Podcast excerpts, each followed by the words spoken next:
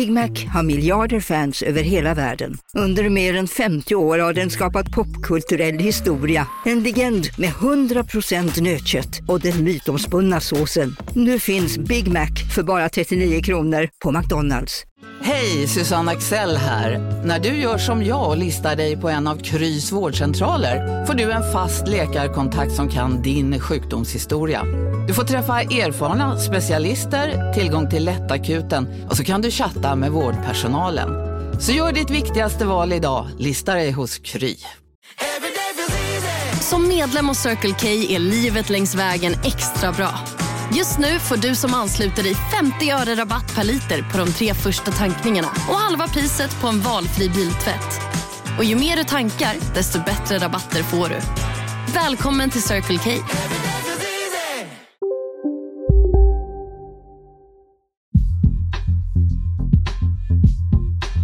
uppdrag jag fick från talmannen att titta på förutsättningarna för en ny regering. Eh, det bedömer jag inte som meningsfullt att begära förlängning på eller fortsätta eftersom det finns tydliga blockeringar i statsministerfrågan. Jag vill därför idag avisera att jag på måndag om en vecka, alltså den 3 december, eh, kommer att föreslå kammaren att till statsminister välja Stefan Löfven. Jag är inte ett dugg rädd för det vi kallar för media i, i, i, i, i vanlig mening. Jag är rädd för nätet. Black Friday är den största shoppingdagen i USA. Sedan ett par år är den stor även i Sverige. Det är starten på julhandeln. Du kan nu berätta att årets julklapp blir det återvunna plagget. Sverige, vi har en regering. Hur länge ska vi behöva vänta på det budskapet och vilka chanser har en regering Löfven 2? Göran Persson är orolig för sociala medier. Är hans rädsla för Facebook och Twitter befogad? Årets julklapp var ett återvunnet plagg och Black Friday får konkurrens av White Monday. Hur mycket köpångest tål Sverige? Välkommen till veckopanelen, kvartalskonstellation för att summera sju dagar och kanske få veta någonting som vi inte redan visste. Jag heter Staffan Dopping.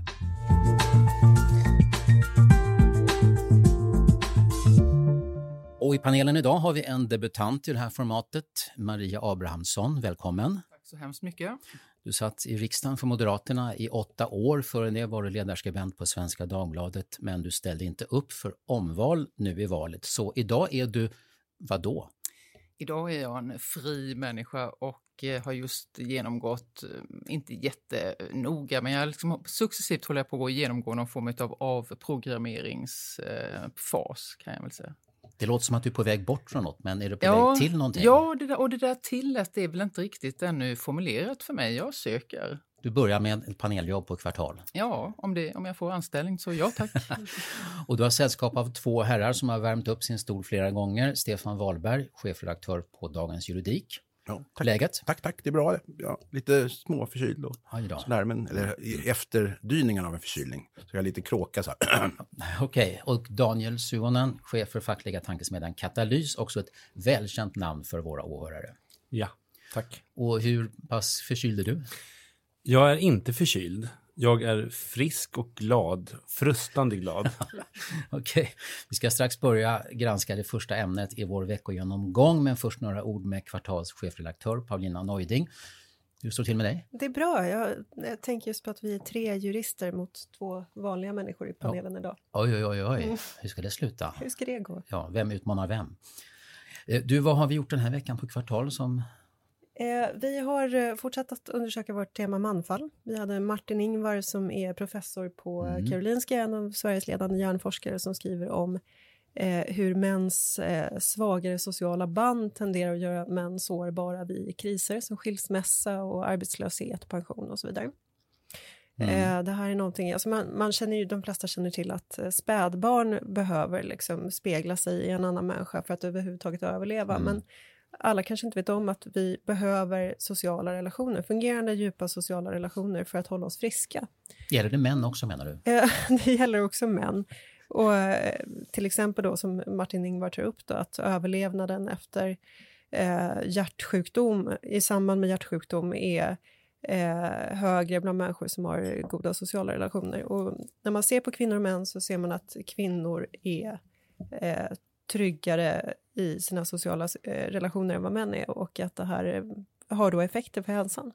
När livet sviktar heter Martin Ingvars text på Kvartal och så har Malcolm Schiune kommit också med en Precis. intressant han kommenterar en nyhet som var i förra veckan om en bostadsrättsförening i eh, Göteborgsstadsdelen Kortedala eh, som har skyddat sig med taggtråd mot sina grannar i hyreshusen. Och man hävdar då att det här gör man för att få ha sina saker i fred.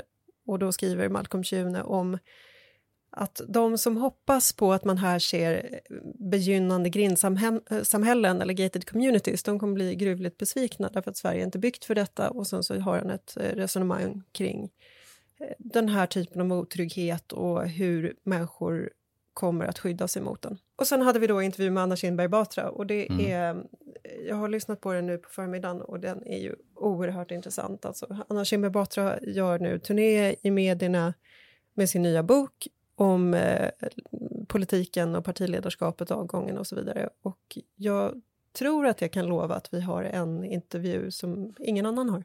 Och apropå Martin Ingvars text så avrundar vi nästa vecka med en specialpanel på temat eh, manfall. Det blir intressant, eh, vågar jag säga. Eh, nu till Sverige den här veckan, 76 dagar sedan valdagen.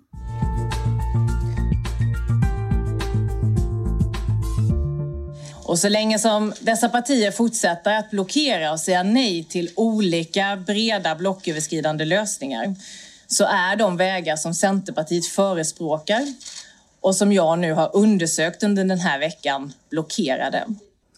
Aviseringen är alltså utformad på samma sätt som för Ulf Kristersson med den skillnaden att jag den här gången ger ytterligare ett par dagars varsel. Ja, nu gjorde talman Andreas Norlén en avisering med förlängd förvarningstid på begäran av Stefan Löfven som om drygt en vecka blir formellt nominerad som statsministerkandidat.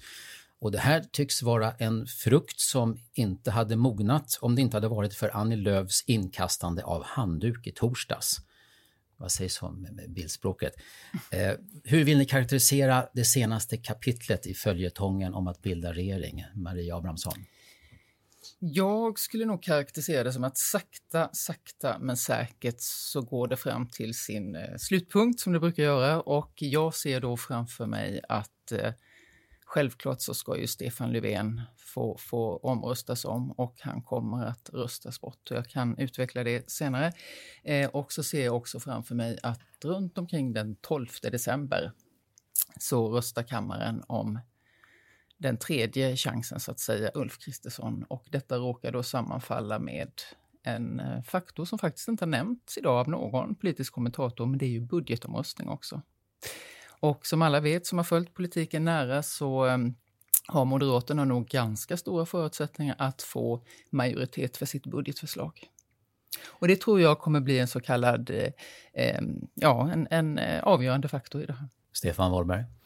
Ja, alltså jag noterar ju att talmannen Andreas Norlén pekar på att tålamodet börjar rinna ut bland svenskarna och de svenska väljarna och att det är lite ansträngt där ute och sådär. Och även om jag i sak håller med honom så finns det ändå alla anledning att påpeka att det här är trots allt by the book enligt svensk konstitution och enligt demokratiska principer. I många andra statsskick som ingen av oss vill ha så skulle kanske någon ha börjat tala med brösttoner, kanske till och med vapenskrammel och, och, och, liknande. Och där tror jag att vi ska vara ödmjuka inför att vi trots allt har en lugn och sansad process, även om den är minst sagt tålamodskrävande. Men visst har trycket gått upp nu i och med det som har skett den här veckan? Daniel Suhonen. Ja, men jag håller med föregående talare här att eh, jag tycker att det finns väldigt mycket högt tonläge kring att det är sandlådor och jag tycker det här Åkesson, Jimmy Åkesson, SD-ledaren har ju kört det här, eh, det är sandlådenivå, det är liksom dags att kravla ur sandlådan. Och jag tycker man ska akta sig för det, för att eh, demokratin är skör, eh, inte minst i våra tider. Och eh, man måste nog respektera de som är inblandade i det här, att det är en ganska svår konst, som Göran Persson säger i det här inslaget, att det är politik är den svåraste av konstarter när den utövas väl. Eh, och eh, då kan man väl säga så här att jag tycker att det blir ganska spännande nu, för att det är liksom ett, ett ideologiskt politiskt avgörande ögonblick. Alltså Centern och Liberalerna har surrat sig vid två master samtidigt. Den ena är att jobba för borgerlig politik ihop med Alliansen, inte splittra den, Kristersson statsminister. Den andra är, över vår döda kropp göra någonting som har med SD att göra, nästan inte gå in i ett rum tillsammans med dem. Och de här två sakerna är inte förenliga. Och man måste väl ändå säga att, att båda de sakerna har varit väldigt tydliga utfästelser. Båda dessa saker har fått stöd av väljarkåren. Och nu är det ju upp i båda de här partierna om man ska välja Kristersson eller Löfven. Eh, och båda de har ju fördelar för sig och nackdelar för sig. Och jag kan tänka mig att Maria och jag har kanske olika, röstar på olika partier i valet, det vet vi inte. Men det kan ju vara så.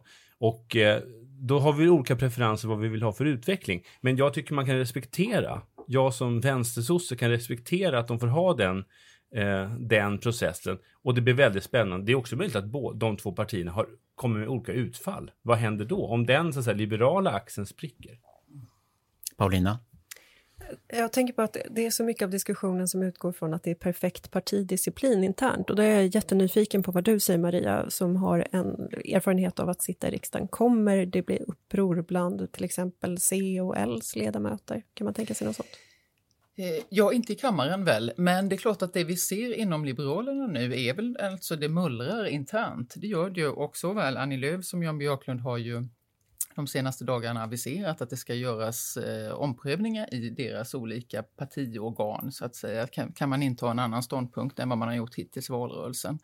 Och där tror jag som sagt att budgetfrågan kommer bli ganska så avgörande av det skälet att eh, Centern var tydliga med att säga att vi lägger fram en egen budget, vi röstar för den och den kommer falla och då lägger vi ner våra röster.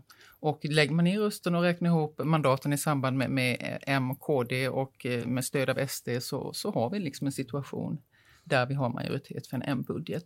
Ehm, hur Liberalerna gör, jag vet faktiskt inte. Det känns ju som att eh, Jan Björklund har ju haft ett tonläge och demoniserat verkligen, inte bara SD utan även Moderaterna och KD på ett sätt som gör att han har nog egentligen svårast för att på något sätt rösta nej till Stefan Löfven. Mm. Och det, det, är ju intressant, men det samtidigt är ju också Jan Björklund, precis som Miljöpartiet, eh, företrädare för ett parti som allra minst vill ha nyval. Det som jag reagerar på nu är ju att Stefan Löfven ändå går med på det här. Det är inte bara att han så att säga, låter talmannen skjuta honom ut på plankan som Patrik mm. Oksanen kallade det för, att när man blir föremål för omröstning. Utan han har ju sagt att han tycker nu enligt Norlén att det är okej okay, faktiskt att, att bli föremål för en sån här omröstning. Eh, och då undrar man, för förut var det ju över hans döda kropp mm. i stort sett, när han visste att det inte fanns död. Vad är det Löfven ser för öppningar som inte fanns innan Annie Lööf kom med sitt mm. besked på torsdagen? Eh, jag tror ju så här eh, att Socialdemokraterna klamrar sig fast i regeringsställning så länge de bara kan. Vecka för vecka är en triumf för dem. Av det skälet att rent mentalt så sätter det sig ju en, en stämpel liksom på Sverige att vi har en socialdemokratisk regering fortfarande. Det är någonting som sjunker in ännu mer hos väljarna trots att det liksom är ganska turbulent. Så att jag tror att eh, han har ju allt att vinna på detta samtidigt som, som eh, man kan tänka sig att han ser också att det här eh, finns utrymme för att kanske få över Centerpartiet också. Extra övertalningstid helt enkelt. Paradoxen här är ju att för Centern och Liberalerna så är ju problemet eh, själva regeringsfrågan. Hur man ska regera, åt vilket håll, med vem och i vilka former. För Löfven uppstår egentligen, han har ju förlorat valet. Eh, det är ju, trots dessa 144-143, så är det en kompakt högerlutande majoritet i riksdagen. Och problemen är ju om socialdemokratin skulle säga det, då är ju problemet i de borgerligas knä, vilket det också är nu. Mm. Men problemet för Löfven börjar ju samma ögonblick som om Centern och Liberalerna skulle vilja dansa med honom. Då börjar hans problem. Därför att alla kompromisser mellan Centern och Socialdemokraterna och motsvarande är ju högerkompromisser för socialdemokratin. Och egentligen alla i socialdemokratin, till och med upp i regeringen, anser egentligen att alla lösningar på socialdemokratins och Sveriges problem borde på något sätt hitta en lösning till vänster om nuvarande politik. Alltså till och med i finansdepartementet så tänker man ju att man kanske borde göra mer åt jämlikheten, eller ojämlikheten, man kanske borde göra mer åt investeringar och så vidare. Kan man lägga om den ekonomiska politiken i samarbete med Centern och Liberalerna? Det är ju helt nästan otänkbart. Så att alla problem för Löfven börjar i samma ögonblick som han eventuellt är statsminister i en koalitionsregering mitten ut. Stefan? Jag tycker det är intressant att Annie Lööf så tydligt har tagit avstånd ifrån det hon kallar ytterlighetspartierna, det vill säga sen, eh, förlåt mig, Sverigedemokraterna och Vänsterpartiet och inte ens fört diskussioner då med, med Jonas Sjöstedt i det här. Och det blir både en ideologisk och inte minst matematisk problematik för henne i en sån här situation och möjligtvis för, för Stefan Löfven också eftersom det trots allt är så i mandatfördelningen i riksdagen att det krävs att Vänsterpartiet ger sitt stöd till, låt säga, en, en koalitionsregering eller en eh, S-regering som stöds av mittenpartierna och Miljöpartiet. Och frågan är vad Jonas Sjöstedt i det här sammanhanget är beredd att göra avkall på så att eh, Annie Lööf blir nöjd därför att hon inte vill ha in Vänsterpartiet i en sån koalition eller ens som aktiv eh, partner eller stödjare. Va? Och därför så är matematiken inte alls helt främjande för den här överskridande politiken som både Löfven och möjligtvis mittenpartierna vill ha. Det intressanta där är ju att Vänsterpartiet, Centerpartiet, Liberalerna och, och kanske 40 procent av socialdemokratin vill egentligen ha en mer generös flyktingpolitik än den som har stadgats de senaste åren. Men när Annie Lööf nu har eh, sonderat färdigt och sa att det här fungerar inte, det är inte meningsfullt, hon har kört sitt spår i botten, då antyds det ju att nu kan också Centern delvis göra en positionsförflyttning. Och vilken blir det i så fall? Ja, den blir ju, eh, den blir ju att, att rösta för eh, Ulf Kristersson såklart. Alltså att uppleva, uppfylla det vallöfte man gav väljarna. Som hon nu har liksom genom att tror rösta... Tror du på det? Ja, jag tror på det av det skälet att eh, hon har också en intern press på sig som inte kanske har liksom visat sig lika tydligt som jag har sett inom Liberalerna. Men hennes alternativ är ju inte att eh, att rösta för eh, Löfven, för hon säger ju fortfarande att hon vill ha Ulf Kristersson som statsminister. Har hon inte, förlåt, har hon inte gjort båda sina falanger arga då? Alltså både högerfalangen blir förbannad när hon röstar nej sist och sen så vänsterfalangen om hon röstar ja. Det, det skulle jag tro att hon har gjort dem väldigt uppretade och hade jag varit centerpartist så skulle jag nog ompröva mitt beslut i nästa val. Så. Men framförallt så la hon ju mycket skuld på de som inte kan tänka sig att trycka på gul knapp. Ja, ja, absolut. Och då tillhör hon ju själv de som bara har tryckt på den röda. Men menar du Maria att, att menar du att det lutar så pass tydligt åt Kristersson? För det här är ju väldigt intressant. Mm. Eller menar du att det liksom du lät ju tidigare som att du var liksom osäker. Är du nej, väldigt nej, säker på att det blir så? Nej, men jag, jag, tror att jag försökte vara ganska säker i mitt första mm. inlägg när jag tog in själva budgeten. Mm. För det är ju den som på något sätt, ska en ny regering mm. regera med en budget och i det här fallet skulle Löfven regera med en moderatbudget ett år till som han inledde valperioden, alltså 2014. Jag tror inte han vill göra det. va Samtidigt så kommer ju, kommer ju Alliansen då att, att ha en majoritet, möjligtvis med undantag då för Liberalerna beroende på vad Björklund gör, men man kommer ju ändå ha flest röster i kammaren och man kommer ha den budgeten som de flesta står bakom. Mm. Och jag tror att det är det som blir det avgörande helt enkelt. Absolut, det är fullt logiskt. Det som är, jag tycker har varit intressant i den här tiden är att ett alternativ har ju luftats, i alla fall från Liberalerna och Centern då, att, att Annie Lööf skulle vara statsminister och att Socialdemokraterna skulle inordnas i en sån mm. regering. Det, då har ju Socialdemokraterna spelat bort hela sin unika position i, i svensk politik för all framtid. Därför att att sätta sig i, fast man är det största partiet, i en, ja, en, bortse från statsministerposten, ge bort den helt enkelt för att få sitta i en regering då, jag menar, två eller tre perioder i opposition är ett mindre pris än att ge bort rollen som statsbärande parti. Innan talmannen lägger förslaget till riksdagen så ska han veta, få höra av Stefan Löfven, vilka partier som ingår i, i hans ritning. Är Miljöpartiet eller Vänsterpartiet med i, i det som Löfven kommer att berätta då? Ja, Miljöpartiet tror jag verkar, igår var det väl de meddelade att de kunde tänka sig att sitta i en alliansregering som bara inte hade Ulf Kristersson som, som statsminister. Och nu kan de nog säkert tänka sig att sitta i en regering. De är ju i det desperata tillståndet att de sitter i vilken regering som helst, bara de slipper nyval. Mm, men Löfvens intresse då? Vad ja, man, jag tror att han sväljer det. Jag tror att han låter dem vara med om, om de vill. Så att... Däremot finns det nog historiska skäl till att man inte släpper in Vänsterpartiet i en, Nej, i en regering från Socialdemokraterna. Det Eh, har jag fått lära mig av mina vänner att man håller rent vänsterut i första hand och sen tar man borgarna. Va? Det, det, skulle, det skulle vara en sak om S, V och MP hade majoritet. Mm. Då skulle det vara en sak. Men när man inte har det och man är beroende av att, att vinna stöd eh, mitten ut eller högerut, då är det ju, det försöker jag ibland förklara för vänsterpartister, då är ju inte det högerpolitik att, att, eh, att inte luta, ha med Vänsterpartiet i regeringen, utan det är ju matematik. Däremot om man levererar en majoritetsförhållande i riksdagen, ja då får man säkert sitta med i regeringen. Jag tycker inte att Vänsterpartiet är ett farligt parti idag. De är till största delen eh, vänstersossar. Men eh, de har en historia som inte är så trevlig och den kan man påminna om. Det här med att kalla både SD och V för ytterlighetspartier som Annie Lööf gör, menar du att Socialdemokraternas ledning egentligen håller med om det?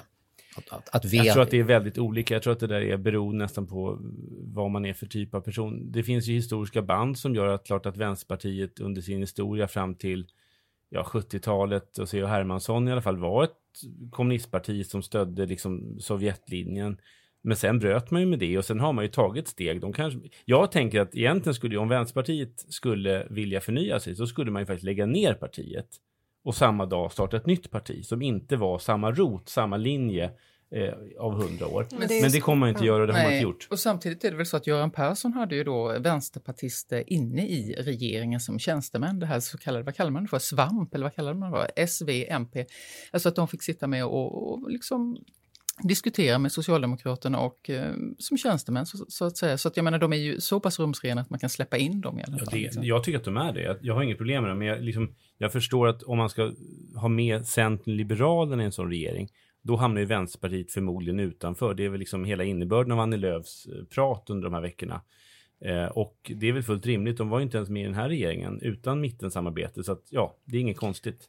Daniel, rätta mig om jag har fel, men jag har intryck av att när Mona Sahlin släppte in Vänsterpartiet i liksom val, gjorde valplattform med dem, så eh, det ansågs vara ett misstag och anses fortfarande ha varit ett misstag för att hon kom dem för nära helt enkelt. Ja, jag vet faktiskt inte. Jag tror stora problemet var att hon körde ett eget race där. Hon hade inte förankrat. Hon hade ju fått ett besked av eh, VU och partistyrelsen att hon inte fick gå bara med Miljöpartiet. Och då gjorde Mona Sahlin som Mona Sahlin brukar göra. Hon tänkte själv, hon gjorde precis tvärtom och då blev det ramaskri och två timmar senare var hon tvungen att säga klart Vänsterpartiet ska vara med, ja, det blev fel bara. Eh, och det är klart att jag tror att det själva den, alltså att snubbla där. Vi ska ha en regering ihop med Miljöpartiet och vänstern. Mm. Uh, liksom, liksom, den där fördröjningen, den var inte bra. Så det var snubblet som var problemet? Ja, sen kan det finnas problem med det andra också. Jag menar, sen var det ju väldigt oskickligt skött hela den valrörelsen. Och man kan också vilket jag analyserat ganska mycket, det här eh, drevet och kampanjen mot Vanjelund och Vedin där 2009. Socialdemokraterna tappar, om jag inte jag minns fel, så 9 procentenheter våren 2009 i det här Vanjelund och Vedin-drevet. Och jag var ute på ett fackföreningsmöte den våren och ringde in till LO och sa det finns ju en hotbild mot Vanjelund och Vedin, alltså bland LO-medlemmar. De var så arga på henne för den här AMF-skandalen. Så att det var liksom, där tappar sossarna mycket. Men det som Maria Robson sa här, nämligen att Löfven kommer att bli nedröstad. Eh, vad, vad, vad, och då så är ju frågan om, är det en fördel att bli det i omröstning nummer två? Talmannen har fyra i sin verktygslåda. Alltså fördel för? Ja, med tanke alltså, på framtiden, alltså den som ja, vill så småningom ja, bli alltså, regeringschef i Sverige. Stefan Löfven har ju ännu inte blivit nedröstad. För det första var ju bara en statsminister. Ja, ja, så, att visst, menar, ja. så att jag menar att han blir nedröstad en gång när Ulf Kristersson har blivit det en gång, det är väl, det är väl schysst så att säga. Eller hur jag ska se det. Ja, Staffan, jag tror du menar om det finns snarare en fördel med att kanske vara sist ut på banan. Är det är det, det du menar så tror jag att det absolut kan vara så att du har rätt i din fråga därför att jag hör ju till de som inte tror vi kommer få ett extraval eftersom Nej, den, allra sista, den allra sista varianten kommer vara att mm, ett par partier kommer säga att någon måste ta ansvar för Sverige och ingen ser fram emot ett extraval och därför kommer man träda mm. ihop på ett, om än oheligt sätt. Va? Och där tror jag då att det kan vara så att det, det, det, det kan vara bra att vara med till sista eh, andetaget så att säga. Mm. Det är många som säger nu att efter att Annie Lööf eh, gav sitt besked så eh, eh, finns det öppningar för nya konstellationer och sånt där. Gäller det bara Centern och Liberalerna? Eh, gäller det inte Moderaterna och KD? Står de, kommer inte de också att se en möjlighet att göra någon slags justering i sin beteende? Är det alla andra som ska... Jag, vet, alltså jag tycker det, det, alltså det, det, är väl ingen som har visat egentligen på en så stor benägenhet att vilja göra liksom nya eh, omprövningar av saker och ting. Det, jag, jag, tror att det väl, jag tror att Moderaterna har varit väldigt tydliga med vad de står, KD på samma sätt och alla vill vara tydliga och eh, nu gäller det också att bekänna färg. Så att säga. Man kan väl säga att det krävs oerhört mycket innan Moderaterna i varje fall inte trycker på den röda knappen om Löfven blir föremål för statsministeromröstning. Ja, det, ja, det är uteslutet. Ja. Ja, um, Alliansen ska hållas ihop, säger Annie Lööf. Alliansen har dödförklarat sitt antal panelsamtal. Eh, lever liket eller hur, hur står det till med Alliansen? Jag tror att man, eh, när Kristersson eh, röstades ner, så jag beskrev din krönika, då stängde man av hjärt-lungmaskinen. Mm. Egentligen så har alliansen varit död, men hållits vid liv med en ideologisk hjärt-lungmaskin i fyra år. Ehm, och den stängdes tyvärr av då, får jag beklaga. Mm Eh, andra sidan här, eh, av Annie Lööf och Jan Björklund inför ett samlat pressutbåd. De röstade alltså, för några år sedan så röstade de alltså ja, de la ner som röster för Löfven, men de röstade emot Kristersson. Mm. Jag förstår att det är rätt tufft alltså. Mm. Maria Abrahamsson, nej, lever skulle, Alliansen? Nej, jag, jag, skulle nog säga så att Alliansens anda lever. Den, den, an, an, den, ande eller anda? Ja, eller anda. Alltså den svävar över. Jag tror att förslagen som finns och samstämmigheten som finns, samsynen som finns, den existerar. Men personkonstellationen eh, finns inte egentligen. Det kanske är så att om man byter ut vissa partiledare, eller kanske alla partiledare, så kan alliansen uppstå i ny välmåga. Vad vet jag? Mm, nej, det är nog... Det, alltså byta ut partiledare där, det skulle kanske behövas. Ja. Mm. Men, men en sak jag inte riktigt förstår, det är att cent, Centern verkar ju ganska pigga på bollen, att de ska kalla samman sina organ för att göra det här. Men vad jag förstår med Liberalerna, det dröjer ju en bra bit in december innan de ska diskutera eh, om de ska ändra mm. sina mm. så att säga, löften och eh, beslut mm. om regeringskonstellationer.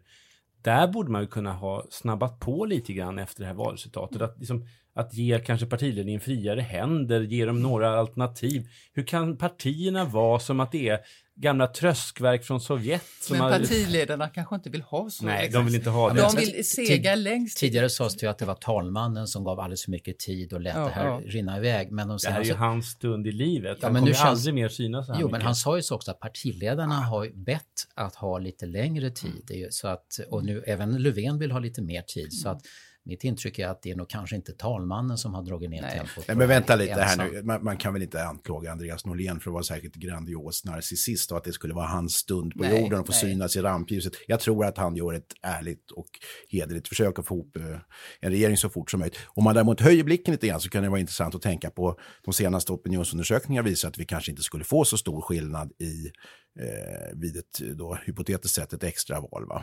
Och då sitter vi i samma situation. Mm. Ska vi ha fyra stycken nedröstade statsministerkandidater i riksdagen? Hur många extra val ska vi ha innan valmanskåren ändrar sig? För att om det blir låsta lägen så kan vi hålla på så här i oändlighet. Va? Jag tror att det handlar om att, att hitta eh, metoder för att rädda sina ansikten så snyggt som möjligt för Centern och för Liberalerna. Och då tar, kan det ta lång tid, men den stunden kommer snart så att säga. 12 december är liksom sluttidpunkten.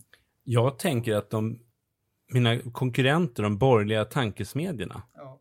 vad har de gjort? Om jag hade suttit i det här läget eh, fyra år innan ett val och vetat att nästa regering kommer avgöras om vi får ihop någon sorts luftpastej som gör att Liberalerna kan få väljare och ändå sätta sig med stöd av SD och högern kan göra det också då hade man ju formulerat en sån linje, konstruerat liksom, strategier för att kunna hålla ihop det här eh, efter ett val. Men det har inte gjorts, utan det verkar ju som att det har varit eh, High Chaparral och det är ju det man får leva med då. Mm. Så att det är väldigt spännande utifrån att se borgerligheten.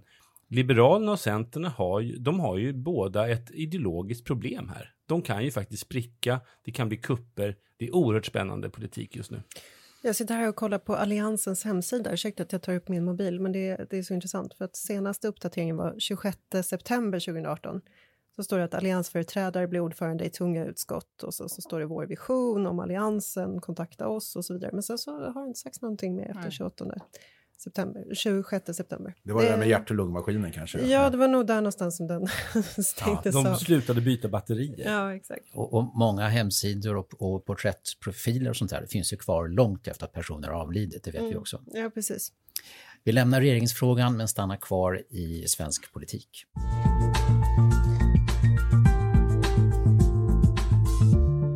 Sociala medier, där kommer man ju att bokstavligt talat döda folk framöver.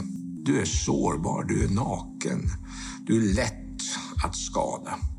Det är det nya i det politiska läget som vi nu går in i. Ja, har panelen sett de här återblicksdokumentärerna om våra senaste statsministrar fram till och med Reinfeldt? Ja, ja inte den om Reinfeldt, för den nej. är väl inte sänd? Men... Eh, den kanske inte sänds, nej. Men däremot Karlsson och Bildt och sen då Göran Persson som är så rädd för nätet. Mm. Spöklikt. Inte så konstigt kanske. Bokstavligen talat så dödar sociala medier, sa han. Jag tänker på, återigen, Anna Kinberg Batras i intervjun med Jörgen Wittfeldt som vi mm. sände på fredagen. Eh, hon pratar om hur hon kommer till Almedalen och man är omgiven av människor, det är fullt av folk. Alla kan filma dig med din kamera, alla kan lägga upp det du säger, minsta lilla grej kan ut på nätet. Och det låter liksom som en mardröm att befinna sig i mm. för, för en människa. Så att jag förstår vad han menar. Jag bokstavligt talat mörda. Jag vet inte riktigt vad han menar där. Mm. Maria. Jo, men drev, drev kan väl ja, göra att man tar livet mm. av sig. Mm. Jo, Vilket vi har sett prov på. Så mm. att, visst. Men jag vet inte, jag, jag, kände lite sådär när jag hörde på Göran Persson, han sa just detta att för det första, han själv finns ju inte där. Va? Han talar nu utifrån vad han har läst och hört och så. Han har inga egna erfarenheter av sociala medier. När jag pratar med min pappa då, som är ja, 77, han tycker det här med Facebook är ju för jäkligt alltså. Hur hemskt är inte det? Han har själv aldrig varit på Facebook. Mm. Men det är liksom en känsla man har för det nya som man inte gillar. Och, och visst, man kan tycka att det som händer på sociala medier är obehagligt ibland. Men den helt stora övervägande delen är ju bra faktiskt. Delen när det, hitta vänner, hitta människor som har försvunnit, allt möjligt och samtal. Jag tycker att Göran Persson, han får givetvis vara, ha sin oro för sig själv. Absolut, han får ha den och man får liksom ha respekt för att han är rädd för, för internet. Va? Men nu är det ju så att vi har det ju så här. Och jag tror ingen eh, idag, liksom människa i, i verksamhet i Sverige, kan tänka sig en utveckling där man backar bandet. Jag tror inte det. Nej, men alltså det, det, är klart att det är övervägande positivt Maria. Det råder ingen tvekan om det, precis som allting som har med tryck och yttrandefrihet att göra. Men mm. baksidorna behöver man ju inte eh, glömma för den sakens skull. Nej, men det gör jag inte. Nej, men Nej. det är helt klockrent idag att det, eh, tryck och då, framförallt yttrandefrihetsprinciperna missbrukas ganska friskt där ute utav en allmänhet som varken har det som politiker eller professionella mediemänniskor har, nämligen en förmåga att trots allt kunna skilja på sak och person och, och eh, göra bedömningar av typen, ska vi publicera namn och bild på den här eller inte och i så fall varför. Va? Och det är där jag tror att, att det har sprungit iväg lite för långt i de negativa delar som sociala medier trots allt innehåller idag.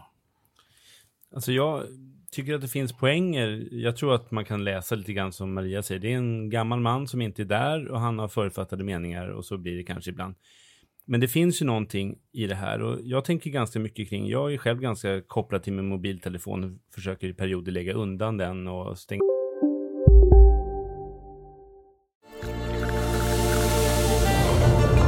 Välkommen till Maccafé på utvalda McDonalds restauranger med Baristakaffe till rimligt pris. Vad sägs om en latte eller cappuccino för bara 35 kronor? Alltid gjorda av våra utbildade baristor. Hej Sverige! Apoteket finns här för dig och alla du tycker om. Nu hittar du extra bra pris på massor av produkter hos oss. Allt för att du ska må bra. Välkommen till oss på Apoteket. Vad är vårt motto? Allt är inte som du tror. Nej, allt är inte alltid som du tror. Nu täcker vårt nät 99,3 procent av Sveriges befolkning baserat på röstteckning och folkbokföringsadress.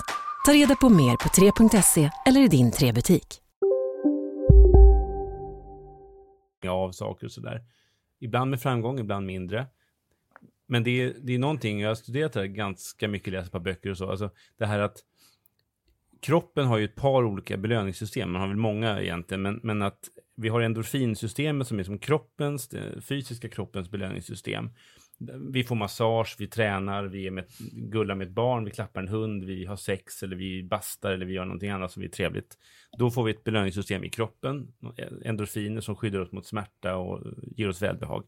Och sen har vi de här dopaminerna som egentligen är känsloreaktioner som, som vi då triggar genom de här sociala medierna. Och, och det som är, och det, jag menar, det där är inbyggt i det. Men sen är det ju då att det som Karin Pettersson och Mart, Martin Gelin har skrivit, nej Martin Gelin har skrivit om i sin bok Den här internet är trasigt är ju att de där dopaminkickarna, alltså hur vi får flashar, hur vi får på raggningsappar och på Facebook och på Twitter och på annat. Alltså hur det där konstruerat och hur man får liksom eh, de här dopaminkickarna. att det är liksom konstruerat för att vi ska bli beroende. Det är inte så att beroendet är en negativ liksom, konsekvens av att vi använder väldigt mycket, utan vi använder väldigt mycket därför att det är utstuderat, konstruerat av de här konstruktörerna för att vi ska liksom vilja ha lite till och inte kunna lägga ifrån oss. Och, och till och med barngrejerna är ju konstruerade för att man ska grad. köpa ja, godis verkligen. och leksaker. Och, och men, men, det där är ju en förklaring till att, att vi är framför skärmarna och att, att det är så intensiv konsumtion. Men blir vi, blir vi hatiska och farliga mot varandra som en, med automatik? Nej, men det är klart att, okej, okay, du pratar mycket neurobiologi här. Så påläst på den fronten, men det är väl som allt annat här i samhället och livet att vi styrs mer av emotionella verktyg i våra skallar än av de rationella, även om vi väldigt, väldigt gärna vill tro motsatsen. Mm. Och det är klart att man når framgång bland de stora massorna, bland, bland, bland eh, allmänheten genom att säga saker som triggar eh, den typen av känsloströmningar om människor som man inte själv tycker om eller om människor som man tycker om. Och då blir det på något sätt så att vi måste ha informella och formella regler att följa även på sociala medier som i övriga allmänna eh, livet. Va? Jag tror att Daniel är någonting jätteviktigt på spåren just med det här hur eh, vi har de här belöningssystemen. Vad är det för typ av beteende på nätet som gör att vi får maximal eh, dopaminkick av det som vi gör? Jo, det är att skriva på ett visst sätt, skriva eh, man, eh, jag skrev någonting i veckan som var någon liksom liten sarkasm om, om någonting som hade att göra med eh, regeringsbildningen. Och så får man jättemånga likes och så känner man det här var bra, det här, det här ska jag göra om. Liksom. Känns det bra? Eh, ja, men precis. Och det är inte de eh, mest djupa, nyanserade sakerna som man belönas för, utan man belönas kanske mer för det som är eh, sarkastiskt eller skruvat eller ställt på sin spets. Så att jag tror inte man ska underskatta vilken typ av samtal som skapas i de här medierna därför att vi får de här Eh, just de här neurobiologiska belöningarna av en viss typ av beteende som skiljer sig från det normala sociala umgänget. Nej men Facebook och säkert andra också då logaritmer och algoritmer är ju gjorda för att vi ska liksom triggas igång och vi har ju haft de här historierna med det amerikanska valet där man utreder nu liksom inblandning från robotar och inblandning från ryska liksom påverkansaktioner. Det där är ju en möjlighet som egentligen bara finns när vi sitter i princip uppkopplade dygnet runt. Eh, och jag kan ta en sån här annan sak, hur liksom de här nät, eh, alltså hur vi uppfattar världen, hur, har, sitter du och läser The Guardian varje kväll, ja då får du en typ av nyheter. Till slut tror jag att Owen Jones och Eh, andra radikala vänstersossar i Storbritannien som styr hela debatten. Men om du klickar på The Sun några gånger för mycket, ja då tror jag att liksom världen är, står på randen till inbördeskrig och eh, alla är liksom lite lätt oroade över den massiva invandringen av polska kriminella. Alltså, det är liksom vilka man klickar på styr. Och jag kan ta till exempel på en väldigt liksom, enkel nivå jag hade någon vän som fyllde 40 år och en annan som fick ett barn. Jag missade det. De hade skrivit det på Facebook, men jag fick inte se det. För vi hade haft lite, vi är lika Algoritmen gynnade ja, men inte algoritmen den berättade liksom inte att, att Pia hade gift sig och, och Anders hade fått ett barn. Men däremot fick jag reda på massa annat skräp som, om andra mm. kompisar som hade druckit en kopp kaffe någonstans. Du, tycker alltså, inte, du reflekterar inte över att du kanske har överlåtit lite för mycket ja, av ditt liv? Nej, men alltså man berättar ju, man ringer väl inte runt idag och berättar att man har barn. Det gör man väl till de allra närmaste i familjen. Men de flesta, ja. 100% nästan, får ju informationen om sådana här saker via Facebook och så vidare. Och då är det någon algoritm som berättar mm. i princip jo. om man får reda på det. Ja, det jag, för, jag, förstår vad du menar, det drunknar väldigt lätt i, i, i flödet. Jag, jag tror inte Göran Persson syftade på just de här fenomenen som Daniel och beskriver här, utan jag tror väl att han pratar väl om tonläget och han talar liksom om att vara otrevliga och taskiga mot människor. Och det måste jag väl säga, nu känner jag mig som en skvallerbytta, men ni vet ju om detta, det är ju offentliga liksom hemlighet. Men Göran Persson var inte så jäkla trevlig mot människor heller. I, och då behövde han inga sociala medier. Jag menar Maud Olofsson har väl liksom gråtande berättat hur han gick fram och, och tyckte att hon hade gått upp i vikt och eh, det finns väl journalister som har blivit petade i magen. För de var med i dokumentären just det där med Maud Olofsson? Ja, jag menar det liksom, så att det finns ju, det finns ju eh, men, men, men var man det inte ju... lite skillnad ändå? Alltså, ja, ja, men, det, var inte, det var inte 200 000 personer som Nej. såg att han tyckte att han ville kommentera hennes, hennes kropps... Men, men måste det vara de andra som ser det? Alltså om man tänker efter om det gör ont i en människa. Men kan det vara så att sociala medier och allt det där triggar vissa typer av negativa beteenden? Klart att negativa beteenden alltid har varit en del av eh, liksom, mänskligt liv. Men just att vi befinner oss i en eh, miljö och har en typ av teknik som gör att vi faktiskt tar fram våra sämsta sidor. Mm, ja, det är, jo, det är möjligt. Fast jag, jag, jag, jag försöker liksom analysera Göran Persson, vad han menade med sitt uttalande. Och, ja. jag, och jag är inte säker på att han har tänkt så långt, så att säga, utan han vill bara liksom avfärda någonting som, som han egentligen vet ganska lite om faktiskt. Jo, men samtidigt kan han ju, det hindrar inte att han kan ha en poäng. Jag tror att han har en poäng. Jag tror att internetproblemet är av två huvudsak två skäl. Det är, eller, eh, två inriktningar. Det ena är att det är, finns inriktning av drog här. Att vi blir så beroende av just det här mediet. Vi blir inte, jag gillar att läsa min morgontidning, men jag är inte beroende av den. Det är inte så att jag slåss liksom om den. Utan, utan, eh, eller att jag känner, var är min Dagens Nyheter? Var är tidningen? Var har jag kulturdelen någonstans? Jag måste ha den nu. Vad fan är batteriet? Så kan jag inte läsa kulturdelen nu? alltså så känner inte jag. Eller har någon delat? Alltså, det är det här droginslaget. Och där tänker jag att, jag menar, apropå vad du sa nyss här. Alltså, det är klart att det här är ju som det är. Vi är biologiska varelser. Det tar miljontals år för att ändra våra konstitutioner. Ja. Vi tänker likadant som 200 000 i alla fall. Ja, 200 000 år. Det är, det är flera minuter, det är jättelångt dit innan det har hänt rent biologiskt att vi har fått ett tredje öga och en tredje hand som kan sköta mobiltelefonen medan vi, vi gör det vanliga livets alla vedermödor. Mm. Men det jag vill komma till är att det här är en drog och det är alkohol också. Men vi säljer inte alkohol till barn. Vi har inte eh, starköl i lunchmatsalens automat. Vi har inte sprit här när vi sitter och dricker kaffe.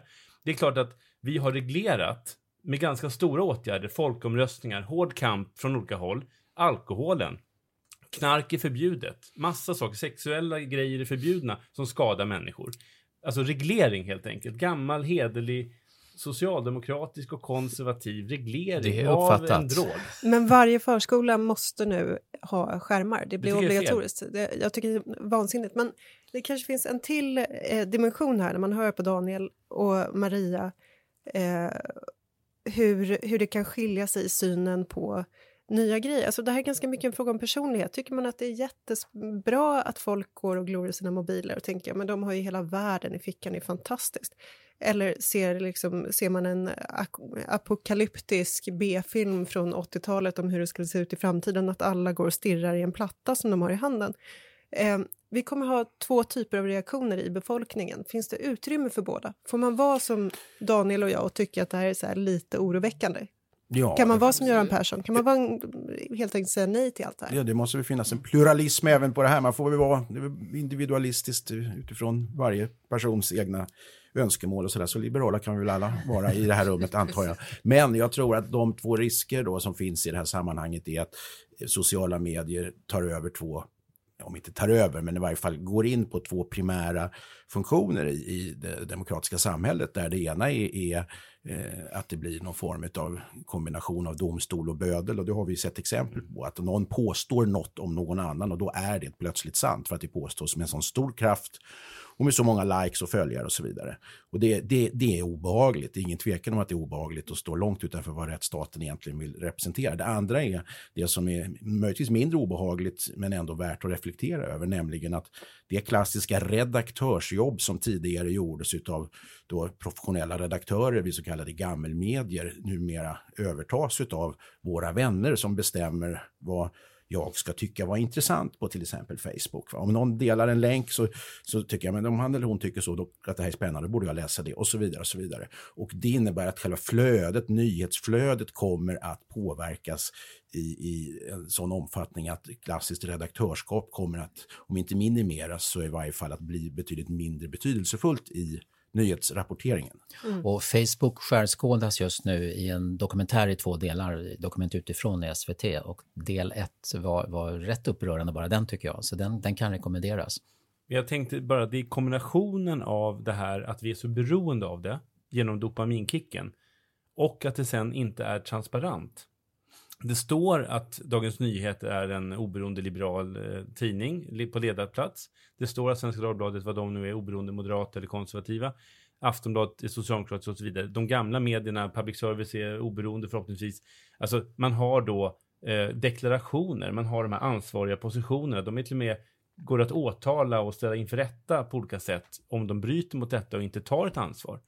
Men att vi är också väldigt sköra i den här, vi blir så upptagna i det här och med eftersom det inte är transparent och vi inte ens vet hur det fungerar. Jag menar, du hintar mig lite att jag håller på med neurobiologi här. Ja, absolut. Och jag håller på med internet också. Jag vet knappt hur någonting av det här fungerar. Så man får ju googla lite grann för att få någon sorts fakta i målet. Och sen säger man det i en sån här podd och tänker att det kanske går hem. Nej, men så här, skämt åsido. Alltså, det är ju så att hur fungerar detta internet? Vad är det som gör att jag får den här länken? Vad är det som gör att jag ser den här kompisens födelsedagsfest men inte den här? Eh, alltså, vad, är, vad beror det på? Och det där är ju någonstans, jag skulle vilja ha demokratiskt på något sätt inflytande över detta. Som, som medborgare, som människa i det här samhället, jag kan inte låta bli att ha de här, eh, jag kan inte låta bli att ha internet, jag kan inte låta bli att ha sociala medier, för då blir man ju till slut en gubbe i skogen som sitter och, och och vet allting om fåglarnas sång men ingenting om världen. Och det vill jag inte heller vara. Det går ju inte att välja bort. Men vi kanske måste ändra hur det fungerar. Ja, det vore intressant om Göran Persson var med tycker jag på, på Twitter, men, men eh, vi får nöja oss med att han kommenterar i dokumentären så länge. Eh, veckopanelen från Kvartal går vidare.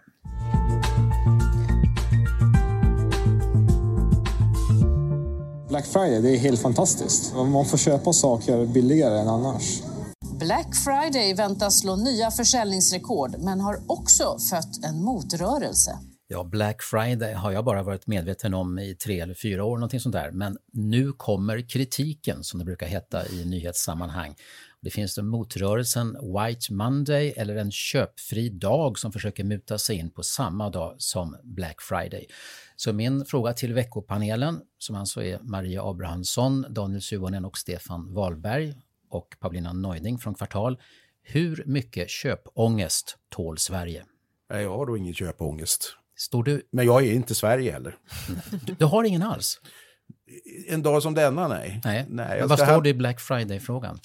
Jag tycker väl att det är, det är samma pajaseri som, som marknadskrafter alltid har ägnat sig åt, vilket har gynnat en god Eh, välfärdsutveckling och så vidare. Det, det, det är ju ingen annan hänsyn än det som, som affärsidkare tar än att de ska försöka tillfredsställa och nitiskt och redligt tillvarata sina kunders intressen genom olika extraerbjudanden. Så, så jag, är, jag är måttligt upprörd över deras agerande. Sen kan man då rösta med fötterna naturligtvis om man eh, tycker att det här inte är bra för miljö, klimat, eh, sinnelag eller vad det nu må vara. Men motrörelsen mot köphysteri, det var ju förr var det ju årets julklapp, det var bakmaskin eller det var, det var hörlurar, det var, det var elcykel och, och så vidare. Nu är det ett återvunnet plagg. Mm.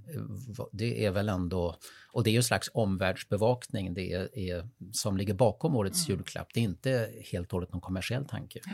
Nej, men det är klart att man kan, eh, man kan eh, ge bort sina begagnade kläder och det, det, gör vi väl. I alla fall har jag gjort det ganska ofta till, till vänner och till... Eh, som julklapp? Nej, men alltså, det, nej, jag vet inte. Alltså, julklapp i mitt liv är inte så där himla liksom jättestort längre. Jag har inte varit det på ganska länge. Ja. Men, men okej, okay, ska man köpa julklappar så jag menar, det är klart man tittar. Jag kan väl titta hemma och se, finns det någonting i bokhyllan som jag inte har läst som jag kan ge bort istället? Och jag tycker inte det är så stor dramatik i det där faktiskt. Sen detta med, med, med att man ska köphysteri och att man ska konsumtionssamhälle. Jag vet inte, det känns väl lite nu som de, de här bluffreorna idag liksom har, har fått rätt stort fokus. Så att man näst, senast i morse på tv kunde, kunde kolla liksom att, hur man lurar liksom med rabatter som inte liksom, ja, påklistrade just idag bara för att man ska känna att idag är jag ett fynd. Eh, det är väl nästan som man kan känna sig lite naiv om man går ut och shoppar loss liksom, och tror att man tjänar massor med pengar. Men det är ju redan olagligt. Alltså att, att säga att det mm, ringer. jag vet, att, men det sker ju ja. hela tiden. Liksom, så, så, det är reglerat i alla fall. Men... Jag undrar om inte dopamin inblandat också i ja, Black Friday. Jag tycker det är jätteintressant, för att det är, nu för risk för att bli lite juridiskt då, så är det ju så. Det ska Ja. finnas i, i affärens eller butikens ordinarie sortiment och det måste vara minst 10 procent, annars Mm. får du inte göra Nej. sken av att det är någon form av extraprisrealisation. Men om så. du höjde det i förra och sänker det idag? Ja, det tror- har jag, om jag inte minns fel, även det prövat att, att, att man då måste haft det varaktigt under, Ja, under ja. ett viss period. Va? Tydligen är det så att det är kopplat till Thanksgiving i USA, detta med Black Friday. Då liksom, det, det är flera dagar som många amerikaner är lediga och den här dagen Mm. låg lite som en klämdag där och var lite speciellt. Eh, Så det är en helt annan kon- kulturell kontext. Men Mm. vi tar med hull och hår och sväljer det i, i, i oberoende, självständiga Mm. Sverige. Jo, men det är väl som kanelbullens dag eller vad som helst man hittar på för att få sälja. Så, att, Ja, men och så alltså- är vi gruppvarelser, gruppdjur som går i flock. Så, det går så kan- snabbt. kanelbullens 6,5 miljard kronor Ja, det är är, beräkningen att det ska ge. En miljard mer än förra året samma dag. Ja, Kan vi folk ta- jobb i varje fall. Kan vi inte ha en debatt om halloween istället? Det vill jag gärna att vi eh, förbjuder i lag. Jag tycker det är väldigt konstigt i dessa nationalistiska tidevarv där till och med talmannen idag talade om att stämningen i nationen kräver och så vidare. Eh, och det Ja. finns eh, många hyllar flaggan och vill att Sverige ska vara svenskt och så. Eh, Det kan man tycka man vill om, men det är väldigt konstigt att samtidigt så lever de här amerikanska storhelgerna, halloween och, och, och på det här sättet också då den här Black Friday som är någon sorts rakt av till en löningshelg så ska vi nu konsumera eftersom handeln kan inte vänta ända till julen. Ehm, men jag tänker så här att jag har alltid hatat konsumentmakt. Alltså jag tycker det är så fruktansvärt återvändsgränd. Du ska inte handla det, förbjud det då. Alltså om folk inte ska röka, förbjud sig. Om de inte ska dricka, höj skatten eller förbjud det. Håll inte på med så här privatmoral. Det finns ju liksom... Håll inte på Men med vänta, privat. vem ska privatmoral kring den här typen att man kan förändra världen? Vem ska förbjuda sig? Om man inte ska röka så ska man förbjuda. Ja, Nej, men-. Är det du som ska förbjuda? Nej, men alltså om man, om nu det är lagligt att röka, Ja. då ska väl folk få röka. Ja. Och om, man vill, om man då inte vill det, då kan man inte hålla på och hacka på folk som här- gör det. och det väl en- uteserveringar och så vidare. Utan då måste ju folk få göra det. Och så får man väl kämpa då politiskt för att förbjuda detta som är mycket skadligt. Eh, och, och vill man till exempel att folk ska handla mindre, då kan man ju som ja, mina hipstergrannar på Söder liksom hytter med näven mot den som ensamstående förälder som köper en jacka till sina barn för att det kanske då faktiskt är vissa saker som trots allt är prissatta under denna Black Friday eh, och denna, denna långhelg eh, av konsumtion. För en del har ganska dåligt ställt och för en del är 200 spänn ganska mycket pengar. Men om man inte vill att de ska handla, håll inte på, moralisera inte, höj momsen då. Höj skatten så att de inte kan. Så att vi inte kan köra. Och samma med flyget. Jag, jag är helt med på att vi har en enorma klimatomställning som måste hanteras. Flyget är väldigt dåligt.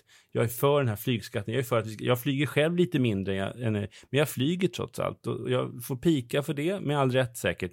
Men förbjud då vissa flygresor. Begränsa det. radika- Jag orkar inte Ja, med nej. det här att man ska... Inget Det finns en flygresa. Det kan, du kan åka för tre gånger priset i Göteborg, men Ja, du får nej, inte ta här, den Här har resan. vi uppenbarligen en ideologisk skiljelinje som går genom Mm. panelen. Att du tycker att det här ska skötas uppifrån och sen så kan Eller man inte alls. kanske tycka att det är upp till Eller inte. individerna. Men det Men, men inte... tror du inte alltså- på opinionsbildning, Daniel? Ibland. På, på, på, på värderingar? Jo. Jo, fast det är ju å andra sidan grunden för det som, som du sa när det gäller att man ska få en lagstiftning emot det. Det kräver ju faktiskt riksdagens majoritet som i sin tur kräver en, en, en Opinion. opinion. Men White Monday, är det inte lite släkt med Earth Hour som också brukar vara den här tiden på året?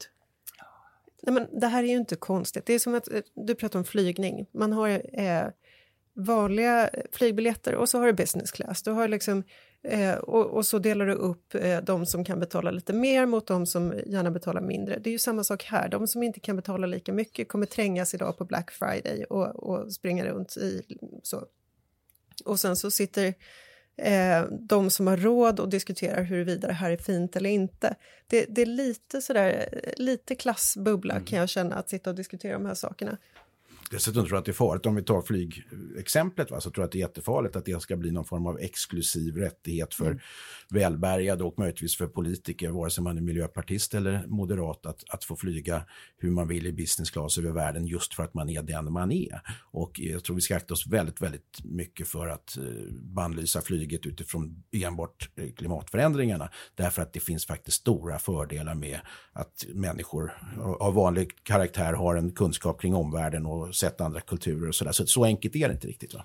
Nej, men alltså så enkelt, men vi måste ju på något sätt dra ner det och det jag sa var egentligen att jag är emot den här typen av individmoralism över, jag menar, människan ska ta sig från till New York, hur ska man göra det? Man kanske har släktingar där, man har något annat intresse man vill göra där. Då finns en flygbiljett för 2000 spänn eller för 4000 spänn eller någonting sånt. Det är väl klart att människor då om de kan och har möjlighet, är sugna att göra det och gör det. Och om man då vill reglera det här, då är privatmoral tror jag en återvändsgränd. Jag tror att det snarare handlar om att då till exempel säga att jo, du har en utrikesflygning per år, du har en inrikesflygning per år, använd dem bäst, oavsett om du är direktör, statsminister eller, eller låginkomsttagare och vill åka till Lanzarote. Alltså det är också ett sätt att reglera någonting, om det nu ska regleras. Det kan man ju ha olika åsikter om. Det har vi. Olika åsikter alltså. Mm. Nej, men jag tänker väl så här att det är självklart att vi måste både köra bil och flyga, men det är väl liksom eh, det är väl klimatpåverkan av det bränsle som används, alltså ja. den typen av frågor och forskning som behövs istället. Och eh, jag, jag, kan liksom inte ta frågan på allvar att jag skulle ha en flygresa på som jag fick använda. Jag, jag liksom, det, det är en icke-fråga för mig. Vi stänger Black Friday och eh, White Monday och eh, köpfri dag och rundar av med eh, veckans ord eller term som veckopanelen har fått i uppdrag att lansera lagom till helgen. Vad säger era spaningar? Ja, jag har landat i det som ska avgöras i helgen och stor betydelse för hela Europa, nämligen termen Brexit som vi nu har hört till leda. Men det är nu det stor, mm. stora ska avgöras. Va? Och eh, Spanien obstruerar lite grann med anledning av Gibraltarfrågan och, och Pedro Sanchez är inte alls glad för att det här eh, ska undertecknas i, i helgen och eh, han har ett regionalval att tänka på nere i Andalusien nästa vecka och det finns inrikespolitiska saker att ta ställning till där. Så att världen är, är större än bara de brittiska öarna i det här sammanhanget. Och tänk vilken bra och klatschig term Brexit är. Tänk om det hade hetat utstationeringsdirektivet. Ja, sånt som skulle det hetat i Sverige. Är det någon som vet vem som har hittat på den? Brexit? Jag kan det inte. Uh, det, Tabloidpressen tror jag. Jag tror att det sådana här sker nästan kollektivt. Mm. Liksom, ja, det finns ju överallt. Alltså, I Polen pratar man om polexit och det finns ju ett för varje land. Jag vet Svexit. Ja, Svexit har vi ju redan, det har vi Sverigedemokraterna. Ja. Okej, okay, tack för det. Stefan? Maria? Eh, bevistalan. Mm. I måndag så väckte kammaråklagaren i Jönköping, Linda Schön, tror jag hon heter, eh, bevistalan vad gäller 14-åringen som är misstänkt att tillsammans med en 16-åring ha sparkat ihjäl en tiggare. Och jag tycker ordet bevistalan väcker många viktiga frågor och eh, dels är det bra att den väcks, men också följdfrågorna. Men, ja.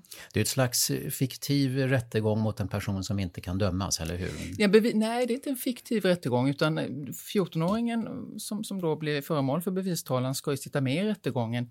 Men eftersom han inte är straffmyndig, för det är ju då 15 år som gräns, så kan man bara utreda hans skuld. Men man kan inte döma till påföljd.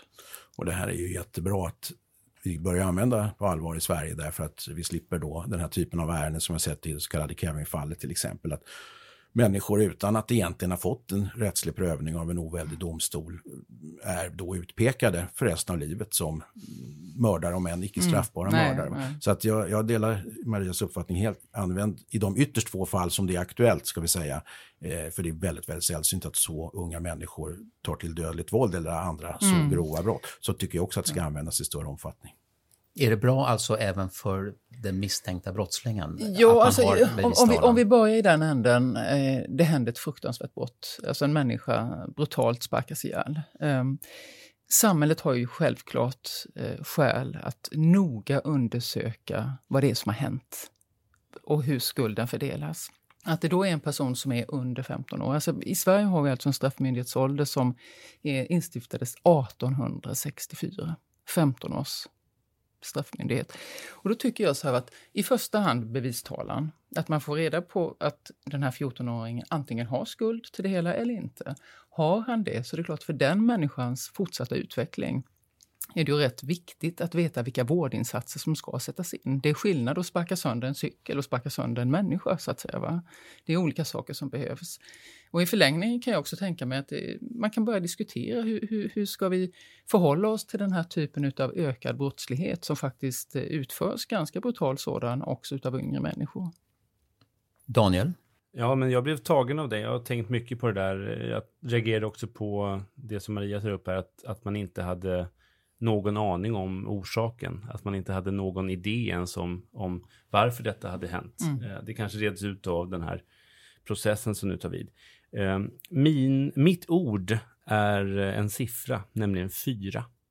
Och fyra procent större är Moderaterna och Sverigedemokraterna, om man lägger ihop deras röstetal i LO-kollektivet enligt den viktade valen än Socialdemokratiska arbetarpartiet. SD och M får 45 procent av LO-rösterna och Socialdemokraterna 41. Och man har tappat sossarna då 12 procentenheter sen förra valet. Och är för första gången någonsin som man vet mindre än 70, 60, 50, 50 procent som man brukar ha. Mm. Eh, och det är ju den här valrörelsens stora, stora paradigmskifte. Det innebär ju då, det här är ju också rikssiffror, det innebär ju då att i vissa branscher, i vissa yrkesförbund, i vissa delar av Sverige, söderut, så är naturligtvis det SD kanske själva har majoritet, eller så har, är det högermajoritet i LO-kollektivet. Det här är oerhört allvarligt. Och den valanalys som vi har jobbat med väldigt länge på Katalys, den tar ju upp det här. Eh, och eh, jag tycker att det är, det är ganska talande att detta hör man ingenting av. Socialdemokraterna vill nu gå in i en regering. Det är som att man inte har någon form av krisinsikt tyvärr. Och jag tycker att det är, jag menar jag vill själv att socialdemokratin ska, ska styra och påverka Sveriges inriktning, men jag vill ju att det ska vara med socialdemokratisk politik. Och jag vill ju också att man ska ha en, en känsla för att det är bra också om socialdemokratin tar ansvar för att socialdemokratin finns kvar. Mm. Eh, och de som nu vill stoppa Sverigedemokraterna, vilket jag också vill, måste ju fundera på vad man gör, alltså att man inte har en, en politisk inriktning just nu som gör att man, man vinner slaget och förlorar kriget. Men måste alltså eh, LO-arbetare, LO-medlemmar ha eh, sossarna som någon form av nosring menar du när du säger att det är liksom, oerhört allvarligt, säger du? Nej, alltså LO-medlemmarna och arbetare och alla andra medborgare med rösträtt i Sverige ska ju naturligtvis rösta precis som de vill. Det är inte det. Jag menar, det är ingen, de är inte tvungna att göra någonting, liksom ingen annan är det. Men det jag menar är att för socialdemokratin, som i sitt partinamn sedan 1889 heter att man är Sveriges socialdemokratiska arbetarparti, man bildas av fackföreningar, man, man, man är en fackförening från början.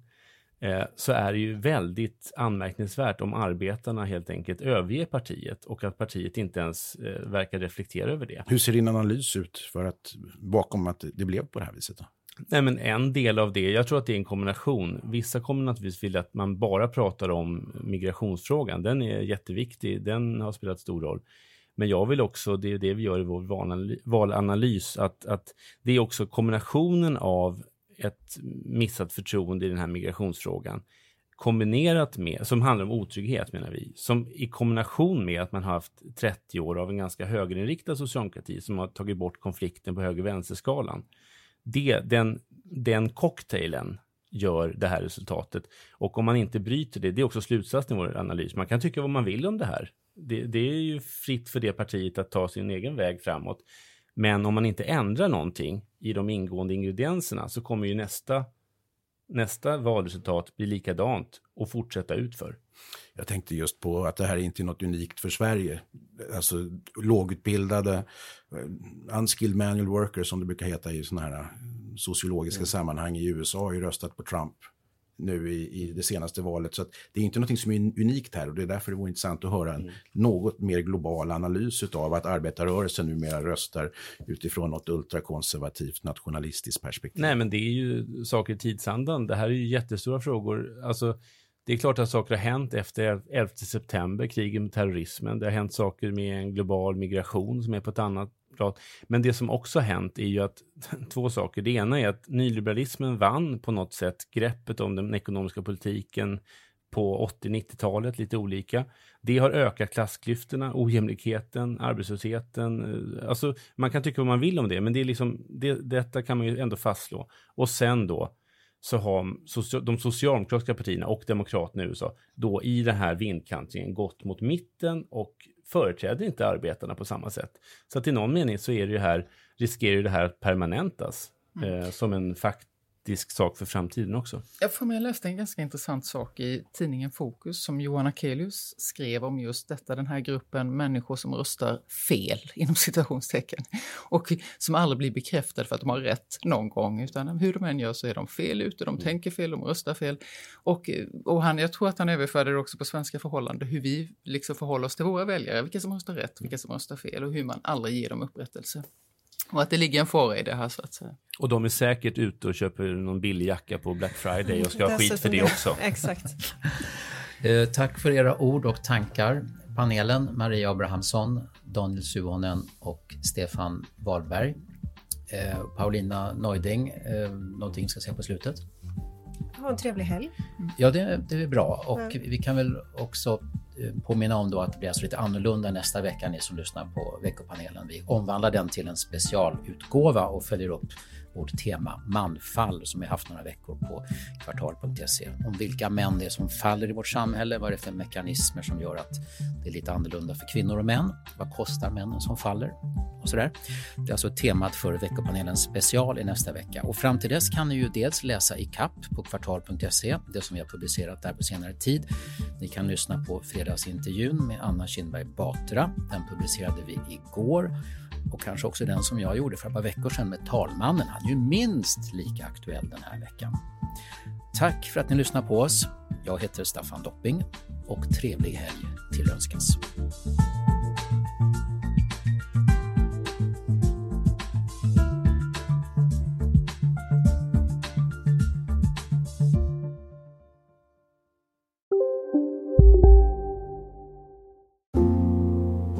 Ska några små tassar flytta in hos dig. Hos Trygg Hansa får din valp eller kattunge 25% rabatt på försäkringen första året.